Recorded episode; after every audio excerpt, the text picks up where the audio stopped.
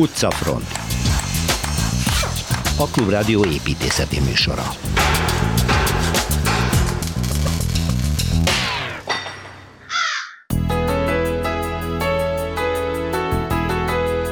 I'm Pei, vagyis Yoch Ming Pei, kínai származású amerikai építész, aki sok egyéb mellett a Louvre híres üvegpiramisát is tervezte, de Berlinben is jelentős építészeti nyomot hagyott. Ismét Szilveszter Ádám az úti kalauzunk. Kis Bazilika, vagyis a Pesti Rezső téren álló magyarok nagyasszonya templom múltja és jelene, ez Kelecsényi Kristóf rovatának témája. Maradunk a közelben Torma Tamással, aki a Józsefvárosi tisztviselő telep építményeit mutatja be.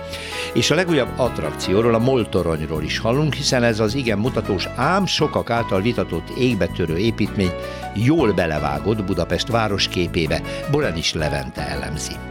Mesélő házak. Szuhai Barbara ismét egy krimibe illő történettel érkezik, röviden előre csak annyit, családírtás a szecessziós villában. És Kozár Alexandra is extrém helyszínt választott magának az Alagút Clark Adam téri bejáratát, pontosabban a fölötte lévő részt, amiben egy lakás rejtezik.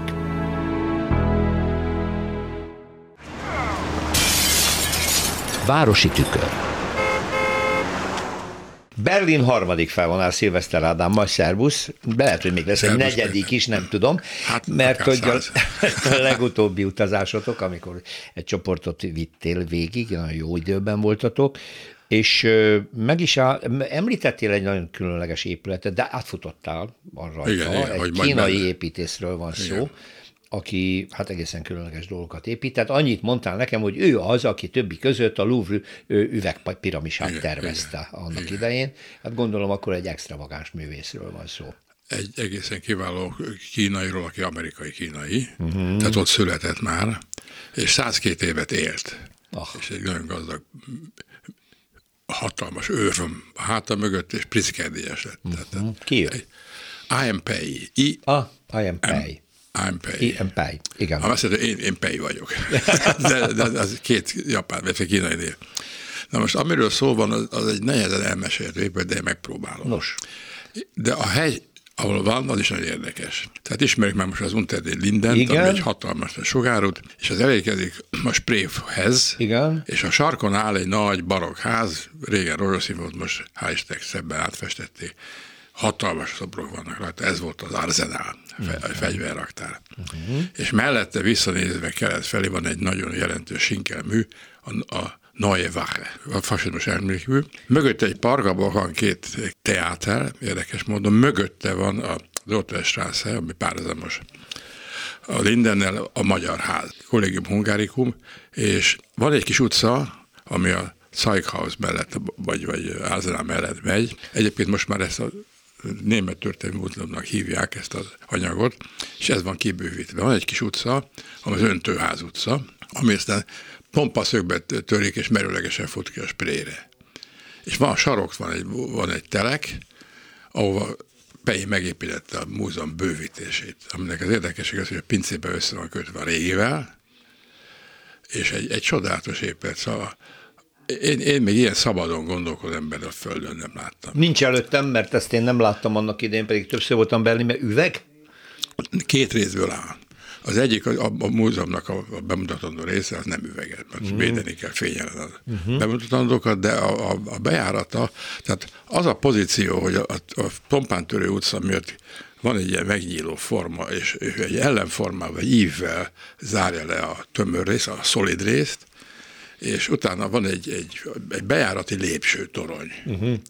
ami tulajdonképpen egy csonkakúp, Igen. aminek az érdekessége az, hogy a, a, ha mellette bemegyek a, az, az íves tömörfal mellett, ott van egy forgóajtó, meg egy másik ajtó, és a recepcióhoz érkezek, és hátrafelé kell menni, és itt egy évbe hajló nagy, gyönyörű három szint magas üvegfal van, ami föntről is üveg, vízszintes üveg. Uh-huh, egy csillogó, gyönyörű, amikor, amikor napsüti. hát el rá, tudom képzelni. Hát milyen magas falakra. lehet? Hát nem van nagyon magas, három szint. Hát, Tehát szer... több 12 méter. Na hát az bőven elég ahhoz, hogy impozáns legyen, és üvegből. Üveg, hát persze, osztóbordák, minden. Az ember elmegy, és visszafelé indul el ebbe a finom ívbe egy lépcsőkarral az első uh-huh. emeltre.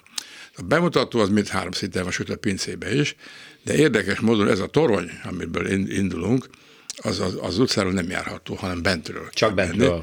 És onnan elindul egy, egy spirális lépcső az első emeletre, ami kint is, bent is, legalábbis az érzete az, ami döbbenetes, mert nem tudom, hogy mi tart mit, de a belső, az orsótéri oldalon van egy e, elsővetre fölmenő öntvény. Egy, egy tagozott öntvény, amire rá van szerkesztve a lépcső konzolosan. Uh-huh. És alá is lehet látni, és onnan azt, amikor felékeztél, akkor még egyet tovább megy a, galéria szintre. És olyan, mintha lebegne ez a lépcső? Egyszerűen érthetetlen, gyönyörű. Hát ez átlátszó, mert üveg az egész, Aha, csak, a, csak a járólapok tömörek. És az. statikailag hogy oldottam meg? Ez egy talány, tehát ott a statikusok is voltak a, a csapatban, és mindenkit mondott egy megoldás, és egyik se jó. meg... de, de már csak az, hogy van egy öntvény, ami spirális, és, és fölmegy mondjuk 5,5 méter az első emeletre. Igen. És, és erre rám azt elkezdve egy lépcső, amit kísér egy üvegfal, annak a befogása, és mellette van egy páracsatorna, uh-huh. aminek nagyon finom, finom milliméter pontos függős álló lemezkéi vannak, és azok is futnak. Csak nem tudjuk, hogy hogy, mi, hogy áll. Szóval ez még mindig titok. És utána, utána, utána, utána megy tovább, ugye, mert le kell zárni ezt, ezt az orsót. Igen. És azt se tudom, hogy hogy csináltam meg azt, hogy a levegő lépcső, az hogy van hőszigetelve, vagy nincs hőszigetelve mert egy, egyetlen anyag sem olyan, ami érdekes volna a fagyra. Ez a téret ki van fűtve, itt, itt lehet csatangolni, gyönyörű lemenni az alagsorba, és át, átmenni egy alagúton a régiben. A régi épületben. Igen. Ott van egy olyan, ja, még nagyon fontos, hogy vasbeton és kő belül. És ez két nagyon világos tónusú anyag, mindenkinek van egy saját belső faktúrája, és, és ezeket null hézaggal síkba hozza össze. Uh-huh. Olyan fantasztikus. Nagy bátorság, de ezt meg is kell csinálni, és meg is csinálták. Tehát, és az ember bozog benne, akkor, akkor időként kilát arra a Ferdinand menő utcára, ahol szemben van egy nagyon fontos ház, az is az látszik, Chipperfieldnek egy, egy, egy a Bástya nevű ház, és onnantól már kiértünk ugye a, a, a Kupfergraben nevű rakpartra, és onnan át lehet látni az új épületére, amit, amit ez a, ez a csinált, ez pedig a James Simon Gallery. Hmm. És ez, ez a kiállítás mögött van a, a Nayes Múzeum, amit ő hozott rendbe. Tehát amikor az ember kiment, akkor benn van abban abba a nagyon fontos berlini történelemben, ahol ott van a Sinkelféle Áltesz Múzeum, ott van a Dóm, ott van a Lustgarten, ami a SS Waffen volt a alakuló gyűlésnek a helye, és mögötte visszaépítették a Sloszt, a királypalotát. Igen ami replika ugyan mind a várban állunk, de azért nem egy egyöntetű. Tehát a, a külsejében ott van a, a régi-régi architektúra, ami egy ilyen vegyes eklektika, nem túl érdekes, de érdekes módon, a, ami a, a, a tévétorony felé áll, ott egy nagyon modern, nagyon kemény lezárodása van, ami emlékeztet arra, hogy itt átkérem szépen egy ház a NDK időkben, de nem, nem azt meséli el. Az ember a másik oldal bejárt felé jön be, ott is van egy előudvar, abban benn van ez a, ez a, ez a retro architektúra, és utána egy gyönyörű, hatalmas nagy csarnok van, fölülvilágítva. Hmm. Az modern. Nagyon jó megcsinálva. Aztán Tehát... megint udvarok vannak, átjárható. Tehát csak annyiban replika, amennyit megkívánt az, e, a rekonstrukció, de egyébként kortárs építészeti megoldások veszik. Igen, igen, igen. Tehát ez egyik, egyik fedett udvara az alapszor mai. Uh-huh.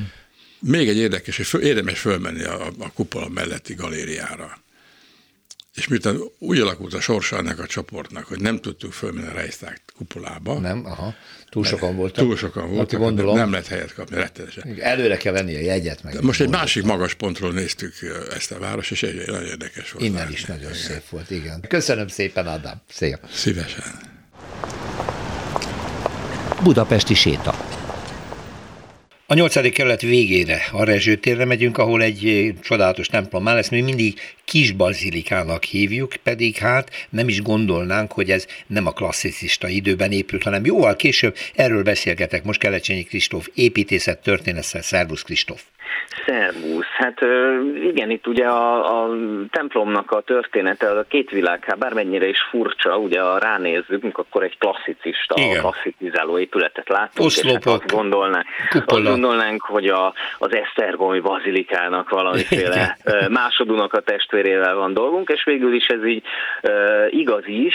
Uh, a történethez azonban hozzátartozik, hogy tehát 1929 és uh, 31 között épül meg ez hm. a templom, Korábban akarták már, akartak ide építeni egy templomot már az 1900-as évek elején, hiszen a környékbeli hívek kinőtték a, a rendelkezésre álló templomot, és nagyon ügyesen egyébként, hát hogy így mondjam, az volt a, a szándék, hogy Ferenc József király 80. születésnapjára épüljön föl az ő hosszú uralkodásának az emlékére, és hát rögtön érkezett is a király alapokból százezer korona az adományozás, adományként a templomra. Tehát Ügyes. ügyesen, a környékbeliek ügyesen, ügye, ügyesen lavíroztak abban, hogy legyen egy templomuk. Viszont amivel nem számolhattak, az, az első világháború volt. Igen, így igen. van, így van, és ugye hát Ferenc József 1916-ban el is hunyt közben. Ettől függetlenül egyébként egy építészeti tervpályázat lezajlott, amin ugye a többek között Lechner Ödön is részt vett, uh-huh. az egyik utolsó ismert nagy terve, egy, egy fantasztikus, tulajdonképpen keleties benyomást keltő, szerkezeti bravúrokkal teli terv, papíron maradt ilyen módon, és aztán ugye első világháború lezajlik, utána ugye a 20-as évek gazdasági válság. nem volt lehetőség, gazdasági válság, és végül is a templomépítő bizottság tevékenysége nyomán a 20-as évek végére sikerül oda eljutni, hogy na akkor egy, egy, egy, ismét egy meghívásos tervpályázatot rendeznek, és a, a Lechner Ödönnek az unoka öccse, a Kismarti Lechner Jenő az, aki megnyeri ezt a tervpályázatot. Na most róla tudni kell a Kismarti Lechner Jenőről, hogy a két világháború között azért már a magyar műemlékvédelemnek a látókörébe volt a magyar klasszicizmus építészete is, tehát nagyon sok a Nemzeti Múzeumhoz, a Károlyi Palotához, és tényleg nagyon sok olyan épülethez, ami, ami, ami a 19. század első feléből származott, hozzányúltak ekkoriban. Uh-huh. És a, a Lechner Jenőnek a stílusára ez nagyon nagy hatással volt, és ő nagyon klasszicizált mindenben. Uh-huh. Na most ugye ennek látjuk itt a tanulságát, hogy ő gyakorlatilag, hogy úgy mondjam, festésen szólva csuklóból ismerte ezt a stílust, és, és nagyon, nagyon ügyesen e, megépíti ezt a, megtervezi, és aztán meg is valósul pár év alatt ez a templom, ami hát tényleg a, a klasszicista e, Esztergomi bazilikának a, a, a távoli kisöccsének nevezhető, és e, hát az építészet történész szem számára is azért nagyon szorosan és közelről kell nézni a házat, hát ha nem ismeri persze az építés történetet, hogy, hogy, hogy úgymond úgymond nyilván egyébként van benne sok olyan dolog, amit a klasszicizmusban nem így csináltak volna, de összességében egy, egy, egy, egy, egy hogy mondjam, egy remek megidézése ennek a korszaknak és ennek a, a, a stílusnak, ugye a, a templom maga. Tényleg becsapos az ember, úgy távolról ránéz, akkor jó 50-80 évet téved, és annyival korábbinak gondolhatja nyugodtan az épületet, de hát ez meglepő. Tehát akkor 1928-29, ugye, jól emlékszem, akkor készül el. 29-ben kezdik, 29 és, és azt hiszem 31-ben van aha, a felszentelés, aha. hát egy pár évvel még ö, ö, későbbi, ö, de igen, igen, tehát abszolút ö, tényleg ez a, ez a stílus, és egyébként belülről is, tehát ha bemegy az ember, ö, persze van, vannak benne olyan dolgok, amiről az ember úgy, úgy mondaná, hogy jó, ez biztos nem így készült volna a klasszicizmusban, de, de összességében olyan, olyan, olyan hatása van tényleg, mint hogyha ez az épület láthatta volna a reformkor nagyjait. Igen, és az épület méretéhez és stílusához méltóan egy igen nagy tér van ott, ami rálátást enged, és ez a méltóságát úgy növeli, legalábbis a látványnak. Kelecsényi Kristóf, nagyon szépen köszönöm, szervusz! Szervusz!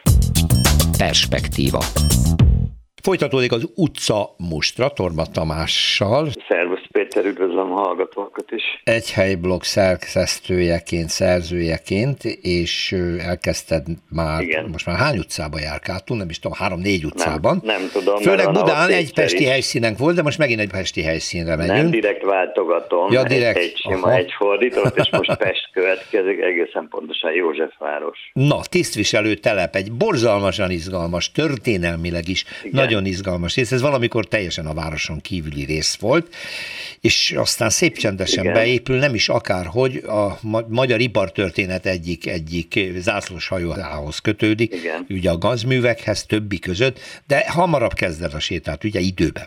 Igen, igen. Tehát egyébként pont 150 éves, tehát a 150 éves fővárosnak megfelelően 150 éves magának a gyárnak az ide települése, de igen? tehát az uh-huh. előbbi természetesen, és ugye bár most utca meg tér szempontból nézzük ezt a dolgot, tehát nem Ganz kolóniának nevezzük, hanem a Golgota tér, a Vajda utca, Vajda Péter, Péter utca, utca és a Golgota utca, utca között, között határol dolog.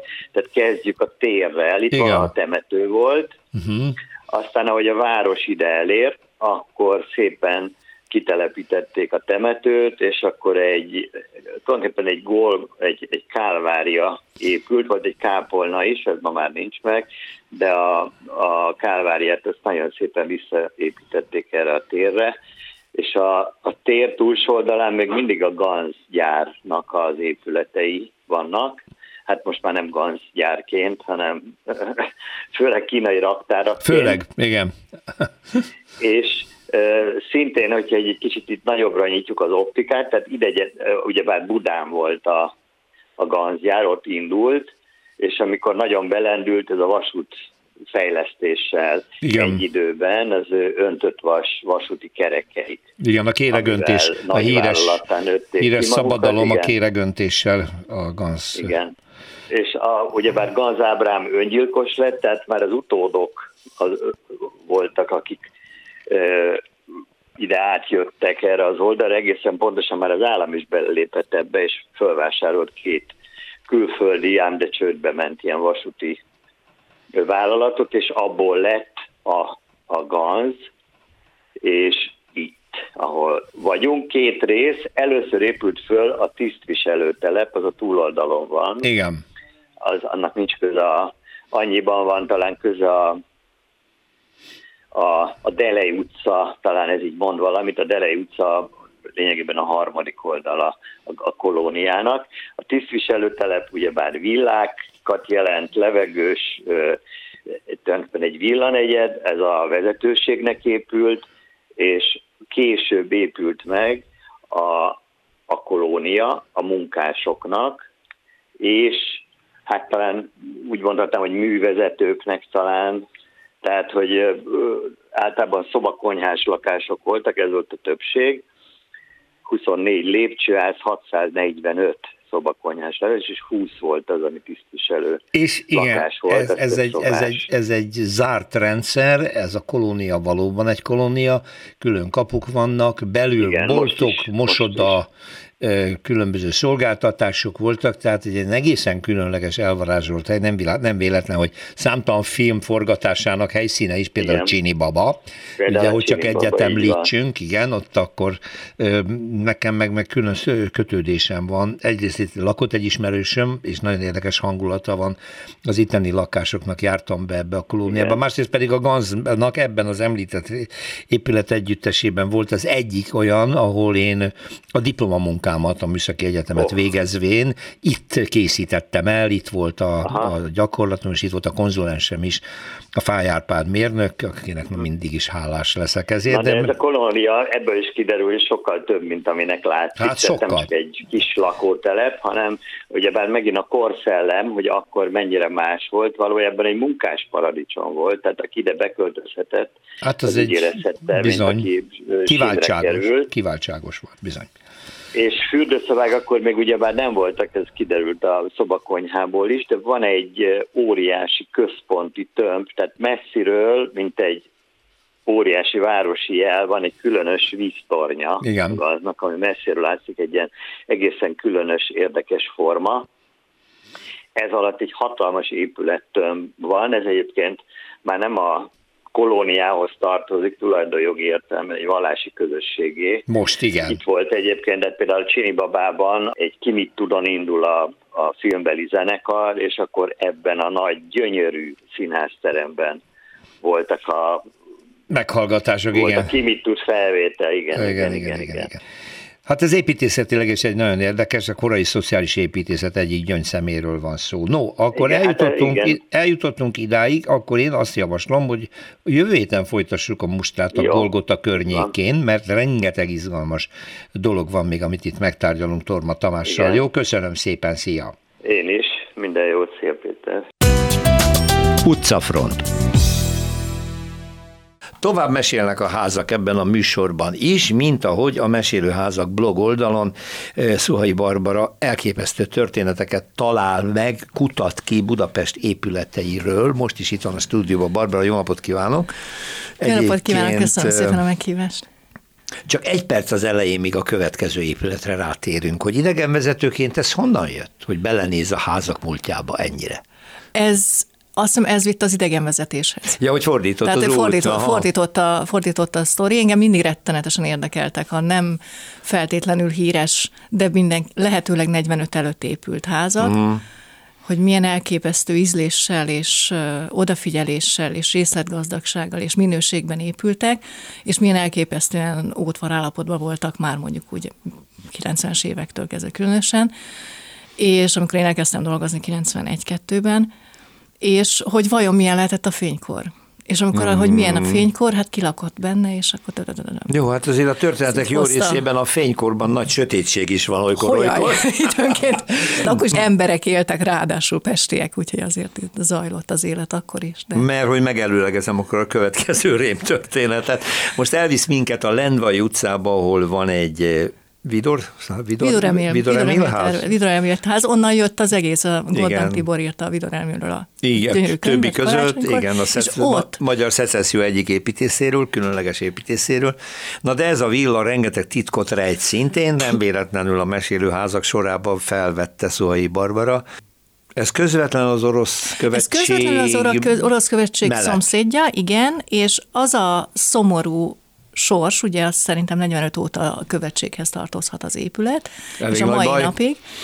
És ezért, ugye minden követségnek, na elég sok követségnek eléggé ilyen riasztó biztonsági felszerelése van. Itt éppen szöges drótról beszélünk, egész uh-huh. egyszerűen viszonylag friss, fiatal üde, rettentő szöges drót keríti körbe az orosz követség hátsó frontját, hátsó kövezett udvarát, és ezt a házat is. Ugye az ember, amikor elmegy mellette, akkor úgy nem vonzza be a tekintetét, mert úgy egyértelmű, hogy, hogy ugyanez egy különálló az. társas villának épült, és elég szépen fel van újítva, de azért az ugye egyértelmű, hogy ez egy, egy egységet alkot a, a követség. No, akkor menjünk 45 előttre. Menjünk 45 Jó megszállás előtre. előtti, mármint az orosz megszállás előtti időszakra, hogy híres lakói voltak, és Igen. nagy titkot rejt, mert egy nagyon-nagyon neves, nagyon-nagyon-nagyon tehetséges képzőművészünk drámai élete is itt zajlott, majd erről fogunk mindjárt hallani. De akkor nézzük a villát. Tehát Vidor Emil tervezte, Igen. a Magyar Szecesszió egyik kiváló építésze, és ki, ki, ki volt egyáltalán? Uh, Aponyi Sándorni Eszterházi uh, grófnő volt, Max Eszterházi Alexandra volt a megrendelő, és az egész telket vették meg, ez eredetileg az Andrási útig. Tehát egész kifutott a Igen, ami most az a nem annyira szép Igen. konzulátus épület, ott volt egy ilyen szép, kicsit ilyen német kisvárosi polgármesteri hivatal hangulatú kis uh-huh. villa, és az egy telket alkotott, aztán azt, azt ők megvették befektetésnek, ketté vágták a telket, és akkor erre a hátsó részre befektetésnek épült meg 1909-ben ez a társas villa. A kalponyék nem is laktak benne? Ők soha nem laktak ah. benne, Más, és amint felépült az épület, és beköltöztek az első lakók, ők el is adták. És ez egy elég hmm. érdekes épület egyébként.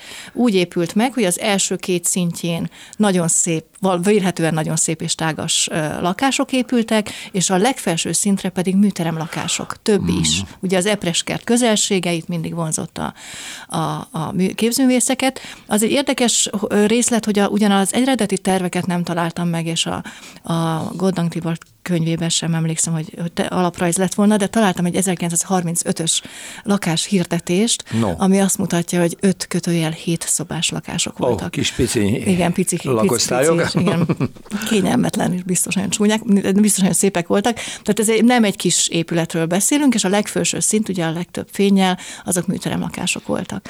És már a kezdetektől voltak érdekes arcok. Ferenci Károly lakott itt 1913-tól 17-ig. Aztán később az ő fia, a Ferenci Béni lakott itt. Tehát aki igazán érdekessé teszi a házat, és amiért gondolom ez erre, erre a házra esett a választás a mai alkalommal, az a Szigány Dezső, aki 936-ban költözött be ide, az akkori már második feleségével, és akkor 37 december 31-én történt az a tragédia. Na de menjünk vissza, Cigány Dezső egy hihetetlen tehetséges festő, Hollósi fedezte fel annak Igen. idején, vitte is magával, és többen nyilatkoztak úgy, hogy ő a magyar piktúra, akkori kortás magyar Igen. piktúra első számú tehetsége. Igen, és Hollósi is erről meg volt győződve. Meg volt győződve róla. nem volt egy egyszerű fiú, értelemszerűen. Hát, közben meg a magánéletében valami borzalom volt. Igen, nem? mondjuk az, hogy ő nem volt egy könnyedén viselhető fiatalember, az azt is mutatja, hogy a Hollósi Simon, aki teljesen teljesen oda volt érte, és a felfedező. Ő fedezte volt, fel, igen. És, és a nagybányai iskolájába behívta, is el kellett küldenie, mert olyan botrányok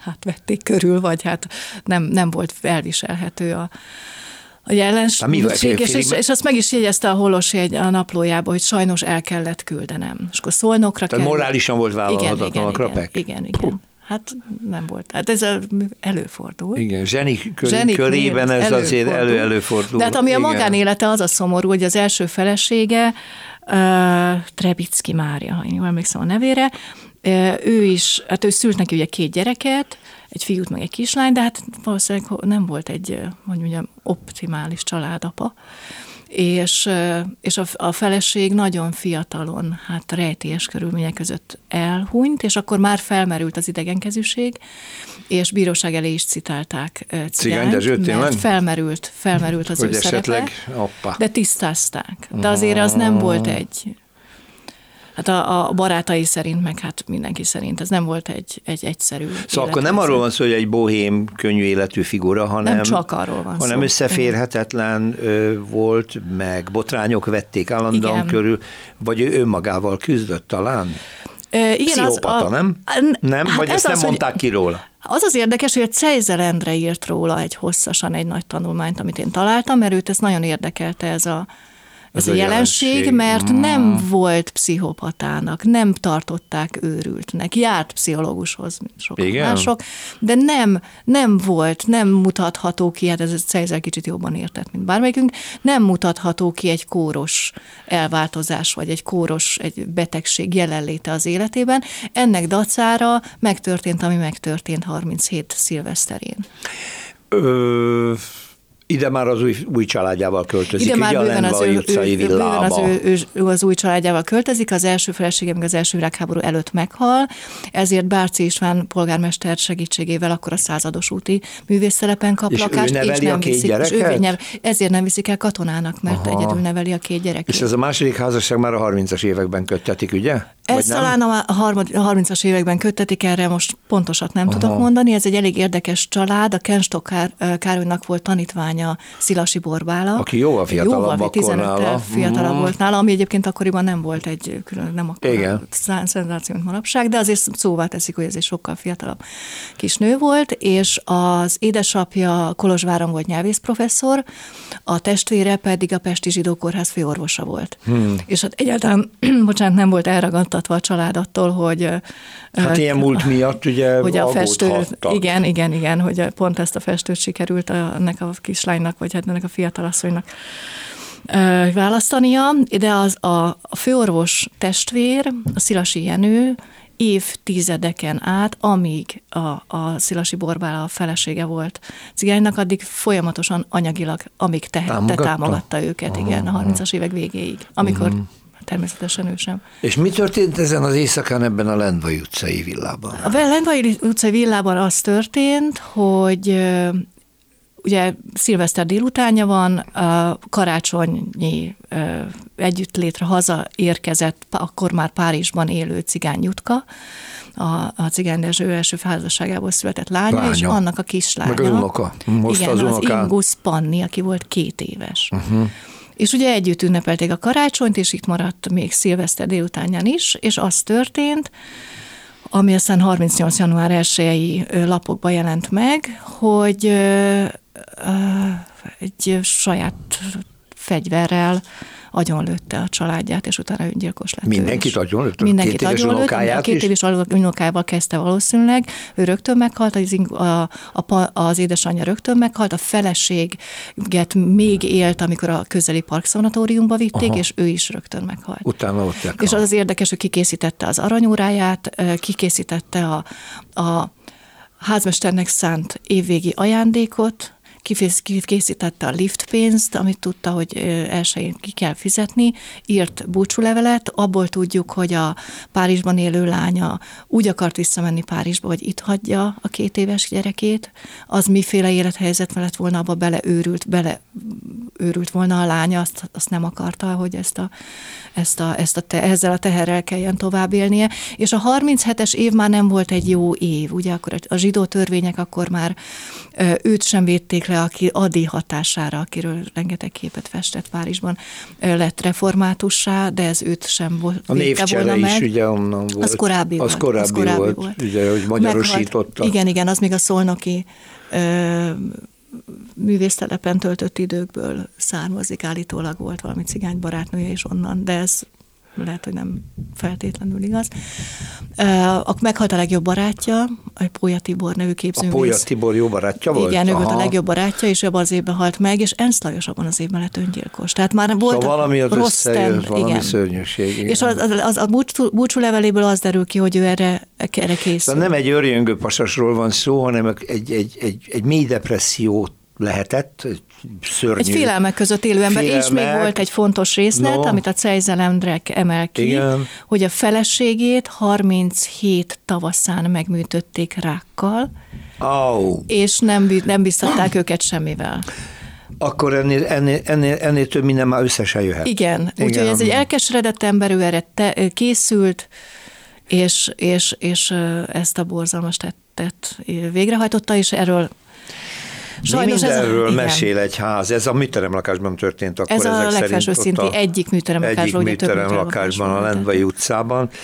Amit Lendvai utca három. Szuhai Barbara kinyomozott. Hát menjünk tovább majd a következő sztorit, hát ha valami virágosabb történetet tud nekünk mondani, mert ez elég szomorú volt, de roppant érdekes volt. Köszönöm szépen, hogy itt volt, várjuk vissza. Köszönöm szépen a meghívást.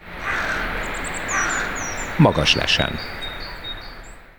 Hölgyeim és uraim, barátkozzunk meg egy újabb épülettel Budapesten. Ezt az utóbbi időben elég sokszor el lehetett mondani, mert ugye hát hogy a liget beépítése, a múzeumprogram elég sok vitára hatott okot, de aztán egy-egy épület.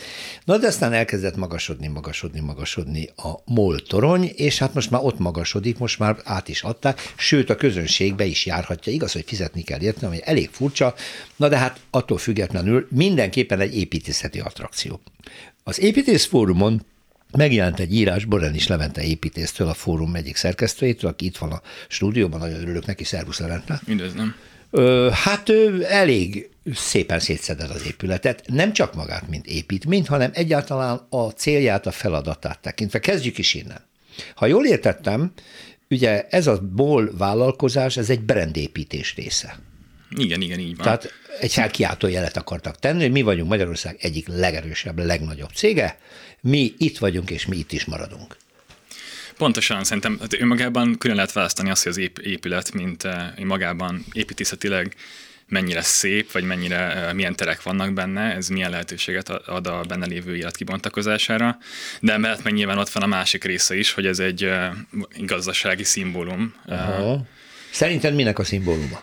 Hát szerintem annak a, a molnak és a, a nagy tőkének. A nagy tőkének? Aha mert ez egy eléggé egyértelmű, és nagyon sok ilyen torony épül Varsótól kezdve London, London mindenhol. Igen, igen. Ugye a Foster, aki tervezte, ez egy leghíresebb gyakorlatilag nemzetközi iroda, és ezek az épületek mind stílusban is hasonlóak, és, és gyakran ugye ilyen hasonló irodáknak adnak otthont.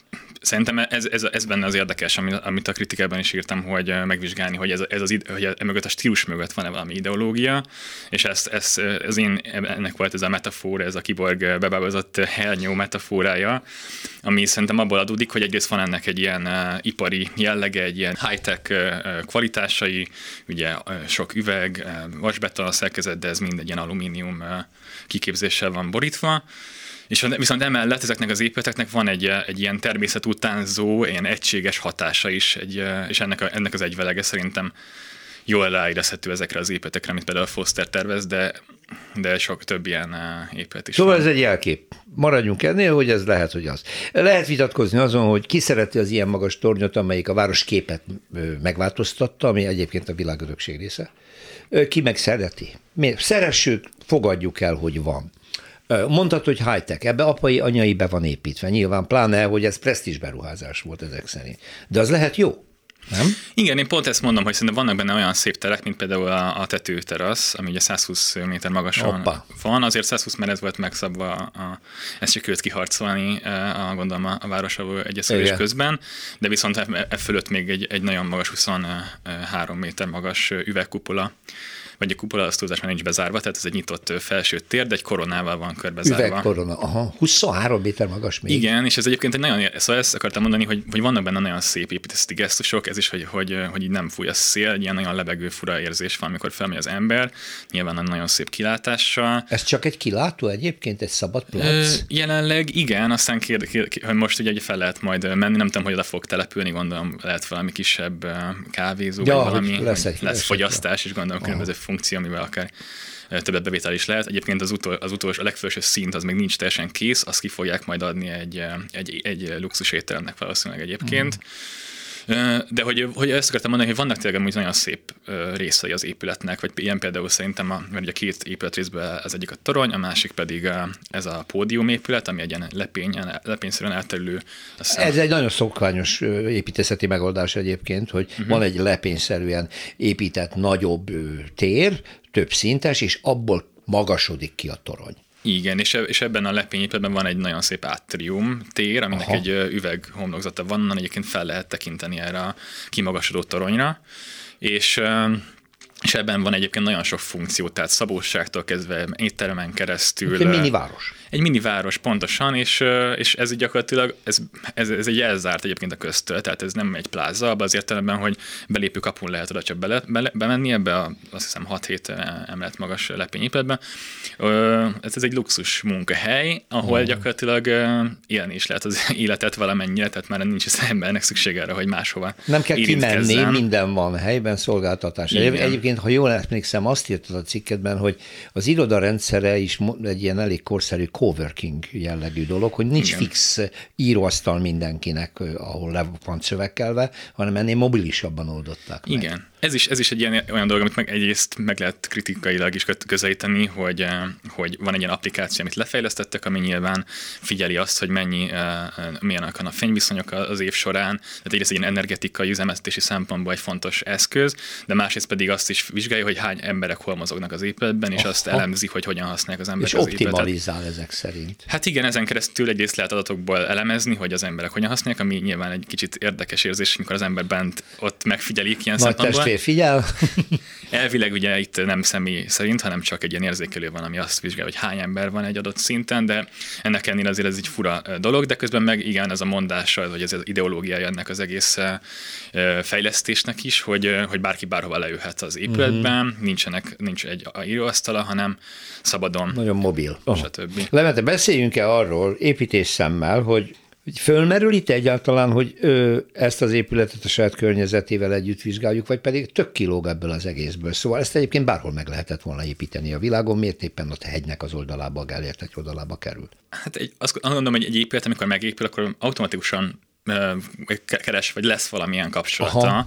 Én csak arra szeretem felhívni a figyelmet, hogy önmagában szerintem az még nem probléma, hogyha van egy jel aha, egy városban. Aha. Tehát, hogyha az például, nem tudom, a, a a, a szociális lakhatásnak lenne a szimbóluma, és mondjuk egy lakótoraj lenne, ahol kevésbé módos emberek tudnak beköltözni, és ez, ez egy ilyen szimbóluma lenne mondjuk a városnak, akkor én abban egyébként tudnék menni ilyen szempontból. A probléma az, hogy ha már született egy ilyen szimbólum, akkor az mit reprezentál, és az pedig abban, abban szerintem nem a, legfényesebb, hogy egy olyan multinacionális vállalat igazából, ami disponál a, a, a, a természet kincsei fölött, uh-huh. ami egyébként, egyébként egy igen. közös, közös kincs, igen. tehát uh-huh. nyilván van egy... Na, kezdünk mélyére ásni akkor a dolog. szóval ez a legvadabb kapitalista jel, jelképek egyike mondjuk így. Kicsit demagóg vagyok, tudom.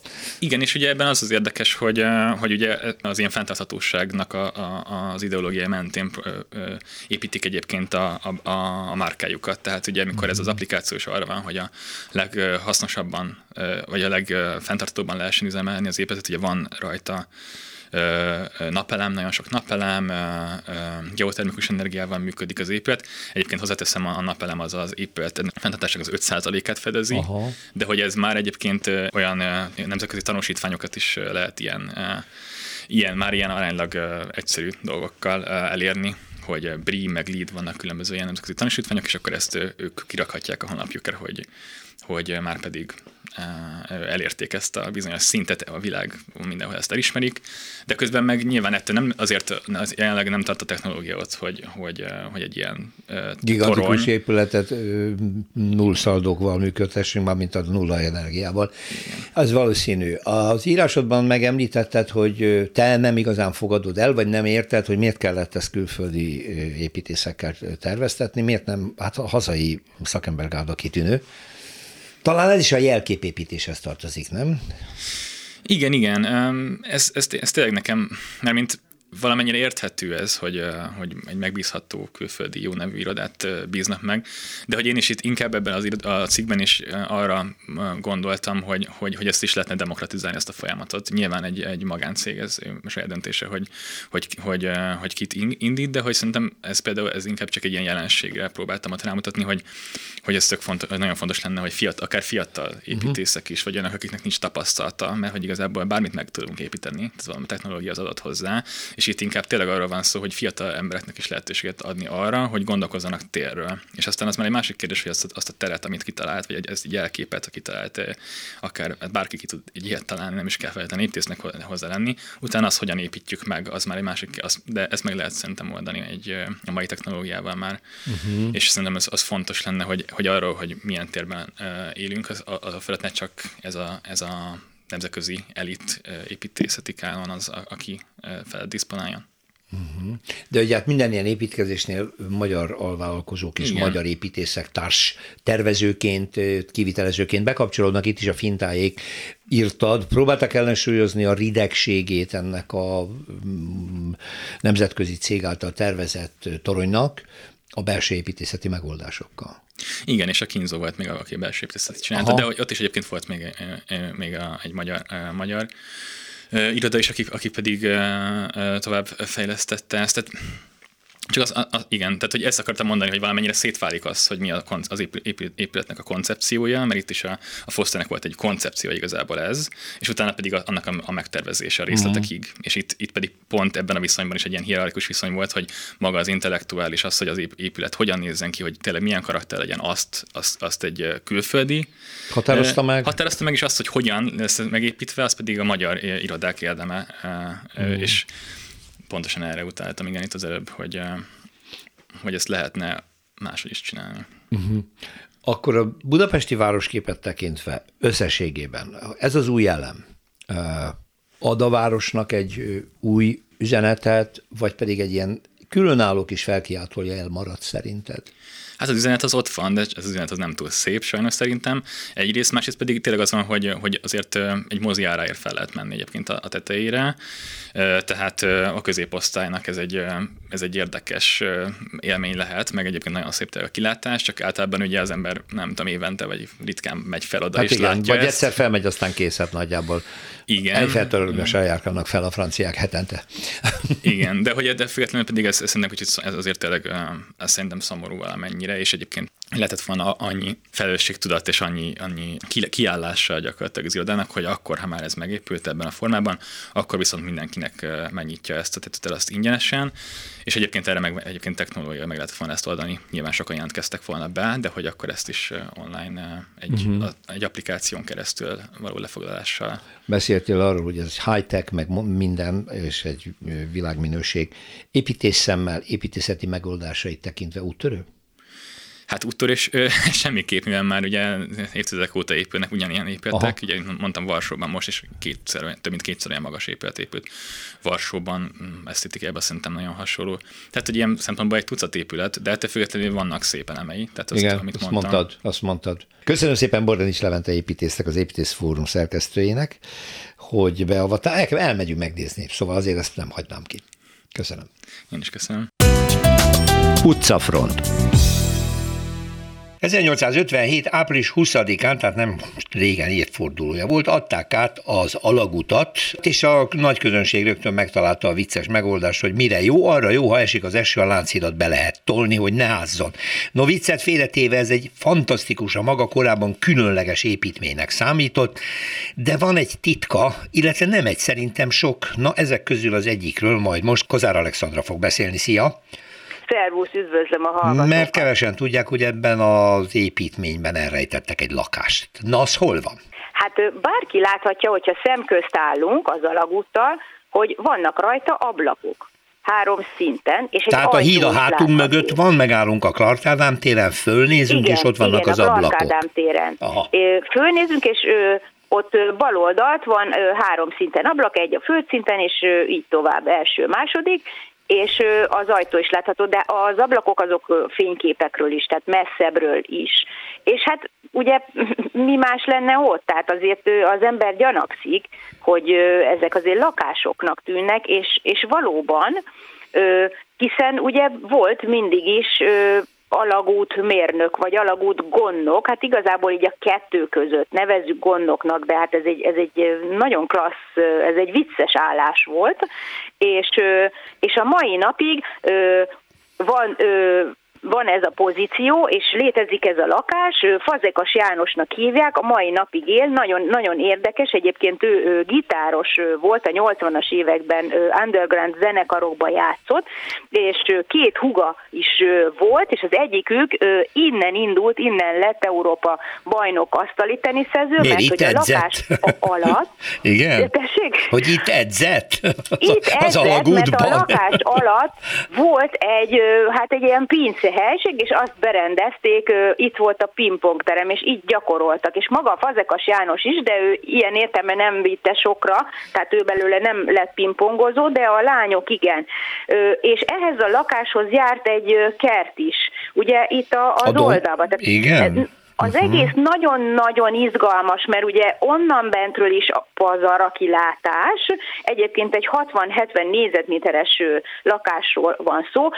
Jelen pillanatban ez az iroda. Ez a Fazekas János évtizedeken keresztül volt az alagútnak a gondnoka, úgy, hogy az édesapja a Lánchídnak volt a gondnoka, az anyukája pedig itt volt gondnok. Tehát, hogy ez egy ilyen több generációs, évtizedes hagyomány, és Hát ez egy nagyon vicces dolog, hiszen hát még Bécs sem, a császárváros sem dicsekedhetett egy ilyen műemlékértékű alagúttal, tehát ugye ott nem létezett ilyen, ami ugye, hát azon túl, hogy ugye Clark Ádám minden a tér neve, tervezte, de hogy Széchenyi rendelte meg. Egy óriási dolog volt a korban, nem is igen hittek, bíztak benne, például két irányból kezdtek fúrni, és a lakosság aggódott, hogy hát nem fog a két furat összeérni. Milliméter pontosan találkoztak. De aztán igen, nagyon-nagyon centiméterre összeér, és hát ugye Ferenc József adta a lőport, 800 mázsányit, amivel ugye a robbantásokat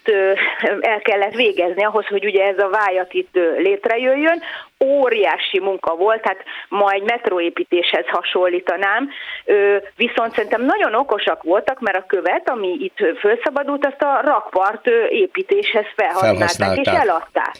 Tehát abszolút több bőr, több, több követ, inkább így mondjam, több követ húztak le a dologról, és hát akkor, amikor ugye átadták 57 ö, ö, április 20-án a nagy közönségnek, akkor aztán óriási volt az érdeklődés, és ö, konflisokkal lehetett ugye átmenni. Igen, hát és nagyon... pénzt kértek érte egészen 1918-ig az őszi rózsás forradalomi, kérlek szépen a gyalogosok egy krajcárért, a kocsik három krajcárért, és a két lovas kocsik hat krajcárért mehettek Fizessenek át. a nagyurak, így van. Helyes. Igen, minél nagyobbak, annál, annál inkább fizessenek, nagyon helyes, és aztán, aztán ezt eltörölték, az őszi rózsás forradalommal, és hát mérnökileg szerintem korábban, én nem vagyok egy mérnök, nem értek hozzá, de korábban egy nagyon precíz, pontos konstrukció lehetett, azonban azért itt volt egy kis szivárgó víz, nyilvánvaló ugye a hegy belsejében. Igen.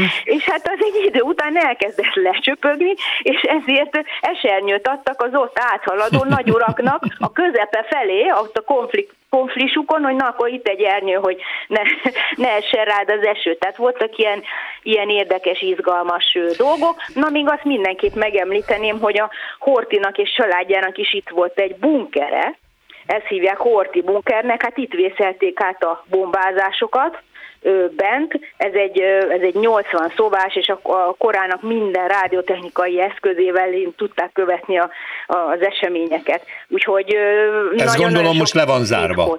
Ez, ez, ez nem természetesen ez nem üzemel, mint hogy az a lépcső sem, van egy titkos lépcső, ami fölmegy, a ez nem a lakáshoz tartozik, fölmegy a várba. Igen. Ez le van zárva, ez is romos, de tehát, hogyha itt mindent használatba vennénk, akkor, akkor azért lennének érdekes terek. Igen, igen. visszatérve a lakás, az ma, ma már nem lakott, vagy még mindig?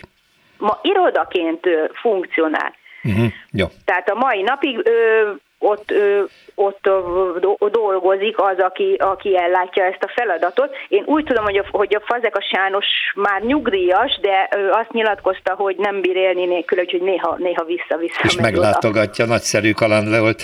Köszönöm szépen Kozár Alexandrának. Szia, minden jót! Szervusz, viszont hallásra!